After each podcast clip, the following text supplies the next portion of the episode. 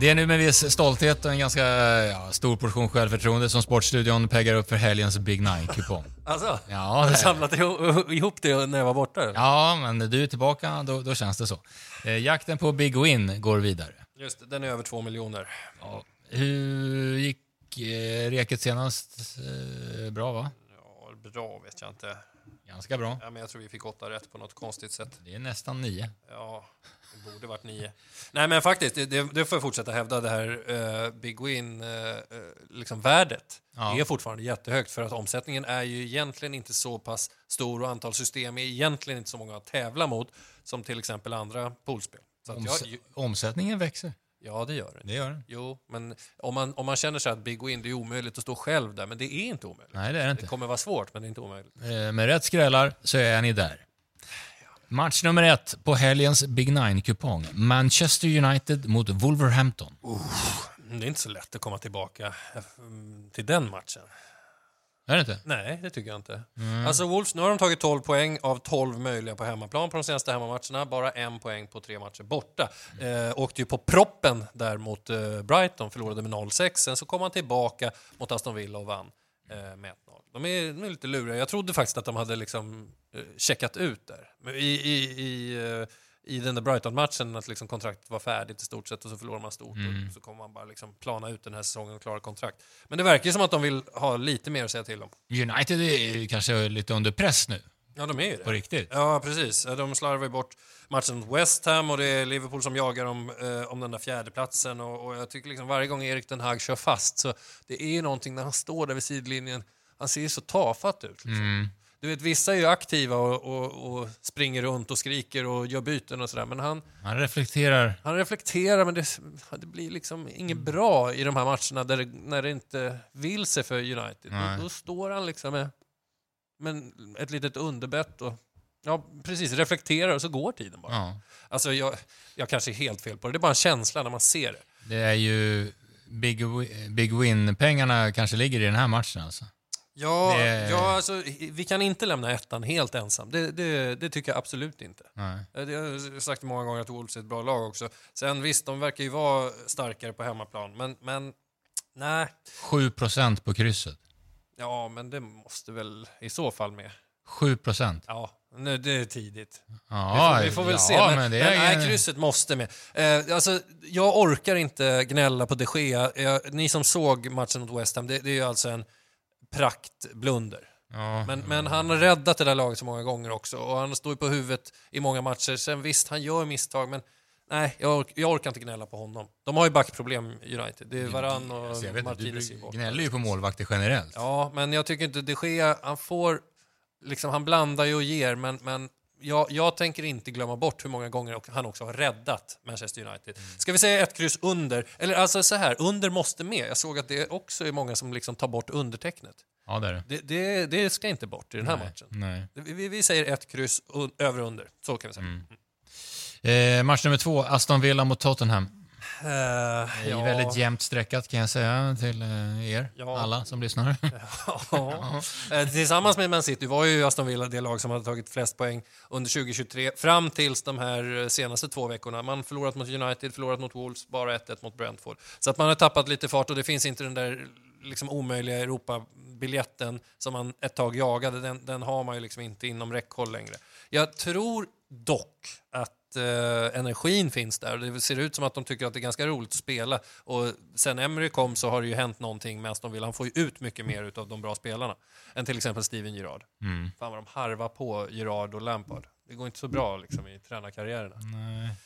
Men det eh, svänger ändå fort. ja, det gör ju det. Alltså, nu är säsongen slut snart. Så. Ja. Men jag tror, jag tror inte att Aston Villa eh, känner att ah, men vi kan ge bort de här sista matcherna, det, vi, vi hamnar där någonstans i mitten. Utan det känns ändå som att de vill utmana i varje match fortfarande och har mycket energi kvar. Tottenham, det är inte så lätt att vara tränare där heller. Eh, det har ju de flesta fått känna på under de senaste åren. Och Kulusevski har tappat sin startplats. Det är tråkigt. Ja, det är det. De, de blandar ju och ger väldigt mycket Tottenham. De åkte ju på 1-6 mot Newcastle och 3-4 mot Liverpool lite oturligt och så vann man en match här sist. Här är det ju också så här stört streckat över-under. Jaha. Det är alltså 70% streckat över 2,5. Ja. Ja, det är ju det, det, är- det är för högt liksom. Den här matchen kan ju ta vägen lite hur som helst. är det ens en mening? Ta vägen lite hur som helst. Ja, men jag lutar i alla fall mest åt Aston Villa, men jag kommer nog gardera om jag har råd på den här matchen. Mm. Eh, Det, jag tycker det är en svårtippad match, men jag alltså, tro inte att Tottenham ska stå som favorit här på Villa Park. Eh, sen i match nummer tre, där hittar vi Chelsea som möter Nottingham. Eh, ja, alltså eh, med där på ribban får man säga att det var som Nottingham vann den här måste-matchen mot Southampton. Man förpassar alltså Southampton till Championship medan Nottinghams chanser lever vidare i allra högsta grad.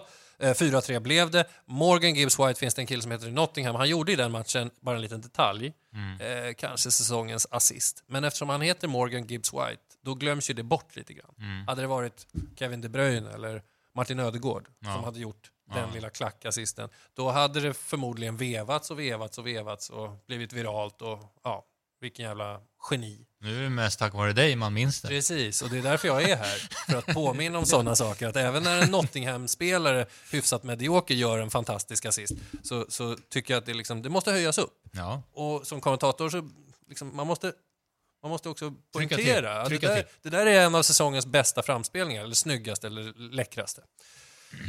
Eh, Chelsea, de mår ju såklart bra, eh, precis som du sa där tidigare, av att vinna en match. Eh, och frågan är om man inte kan rida vidare på det. Det är fortfarande så att Nottingham är sämst i ligan på bortaplan.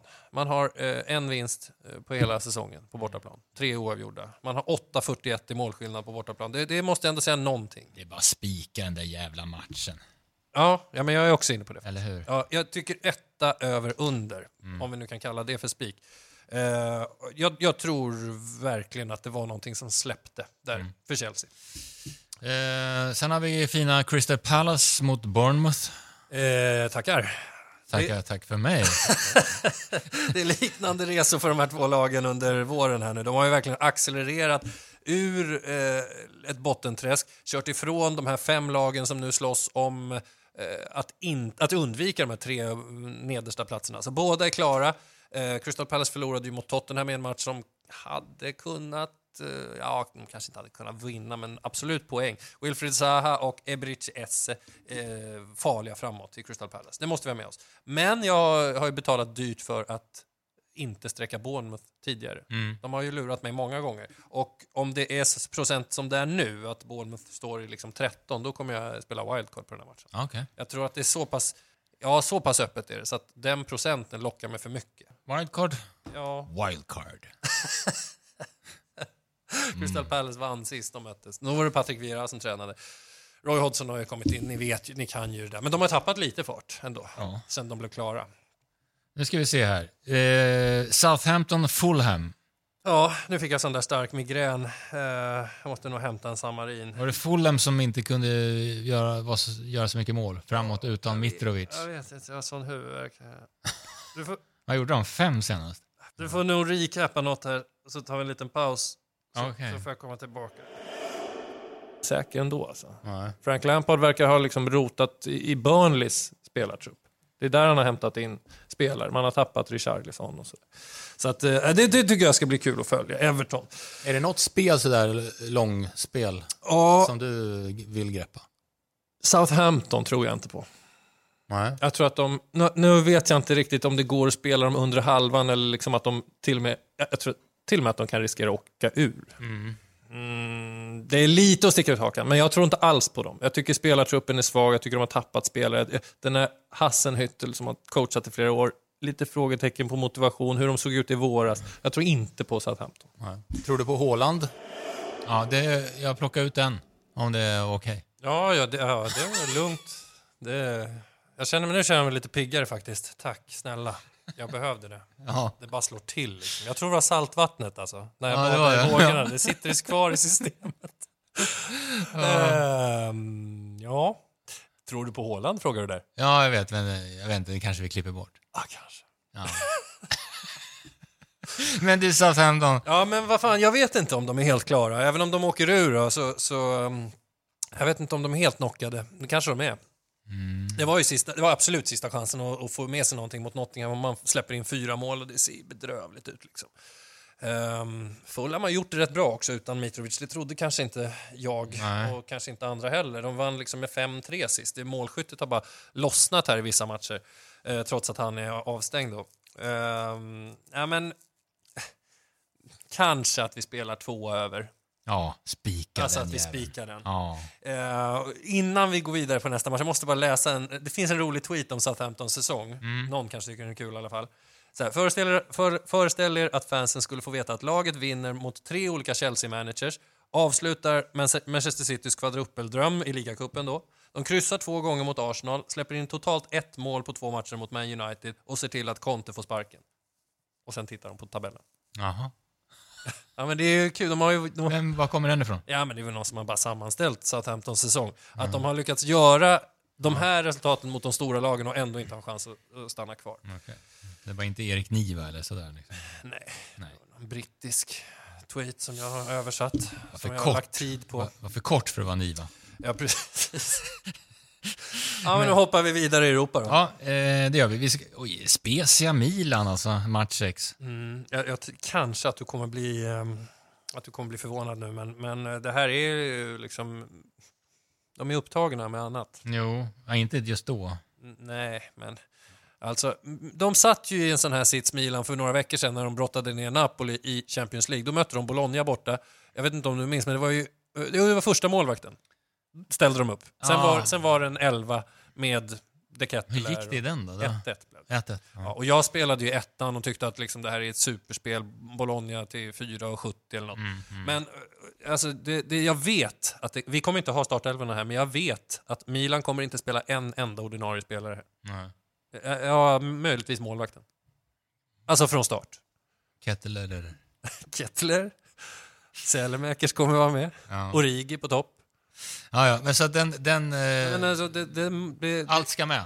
Ja, och, och tar man bort något tecken då kan man vara kaxig och ta bort tvåan. Alltså så pass, eh, så pass mycket mellanmatch är det här. För att tänk dig Milan i en semifinal i Champions League mot Inter. Vem kommer vilja åka till Spezia?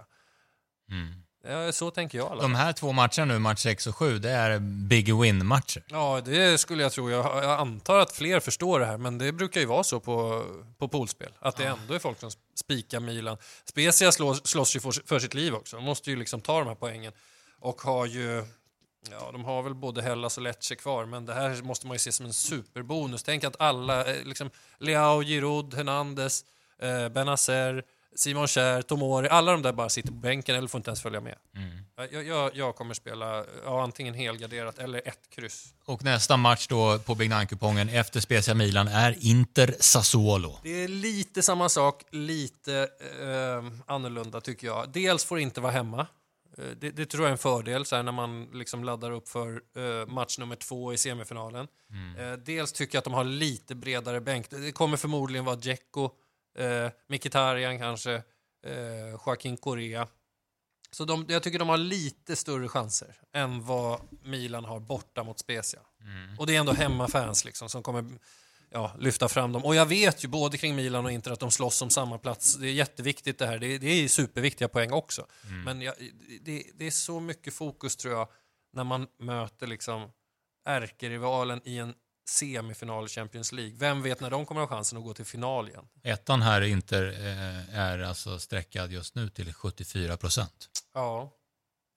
Ja, men jag vet inte hur jag ska kommentera det, men Nej, du behöver inte kommentera det. Jag tror att Inter skulle kunna vinna, men det finns ju absolut risk att det blir eh, en, eh, en plump här också för att man har så hårt fokus på Champions League. Tycker jag att jag överdriver fokuset på Champions League? Nej, det tycker jag inte i det här fallet. Nej. Sassuolo kan vi säga bara snabbt, de har ju slagit ganska många stora lag. De fick ju 5-2 borta mot Milan, de vann mot Roma med 4-3 borta, 1-0 mot Juventus. Så att de är ju ganska långt ifrån odugliga, Sassuolo. Jag tror en lösning skulle kunna vara 1-2 över, men jag känner mig inte superbekväm med Nej. att lämna undertecknet. Men eh, tänk skräll i båda de där matcherna. Absolut. Vi börjar närma oss slutet på Big Nine-kupongen. Det tar lite tid.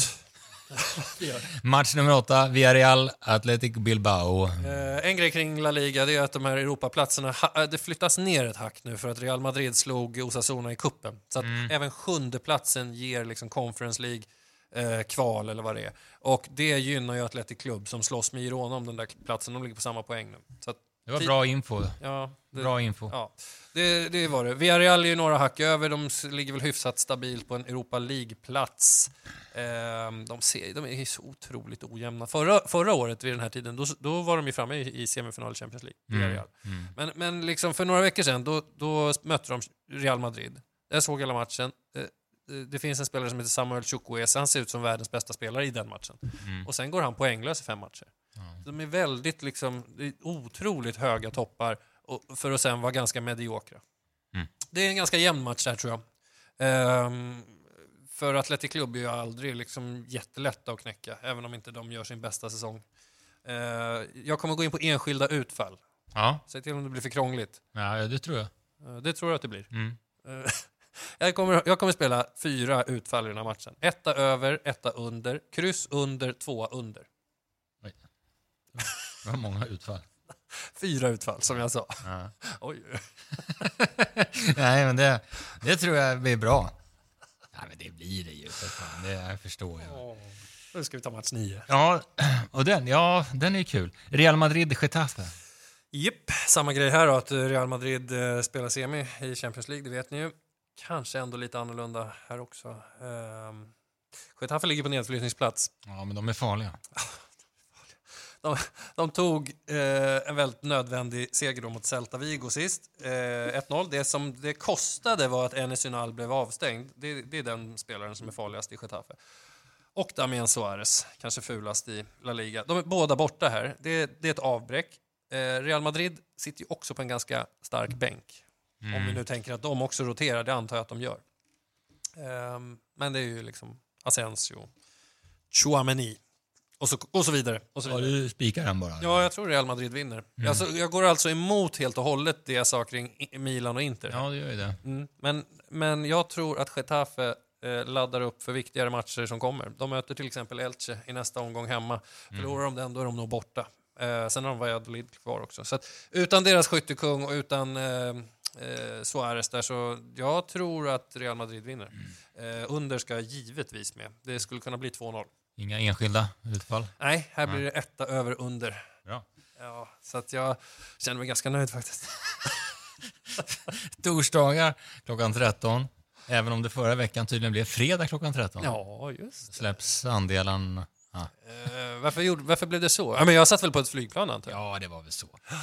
Tog hand om rek. Eh, V75 senast, och den typen av utdelning som det blev då, det är ingenting som vi jagar direkt. Eh, vi bryr oss inte. En 500 eller? Ja.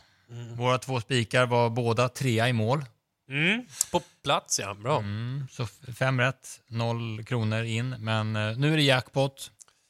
Vi ska till Umeåker. Ja, hur ska vi vrida till det den här gången då? Jag vet inte, jag har analyserat startlistorna i detalj. Ja, Jag nå- någonting kan du väl komma med? hittar ingen spik. Nej. Jag hittar ingen spik. Jag hittar alltså ingen spik. Nej. Så det är ett problem. Men andelarna kommer ta slut ändå, det är ett som är säkert. Det gör de.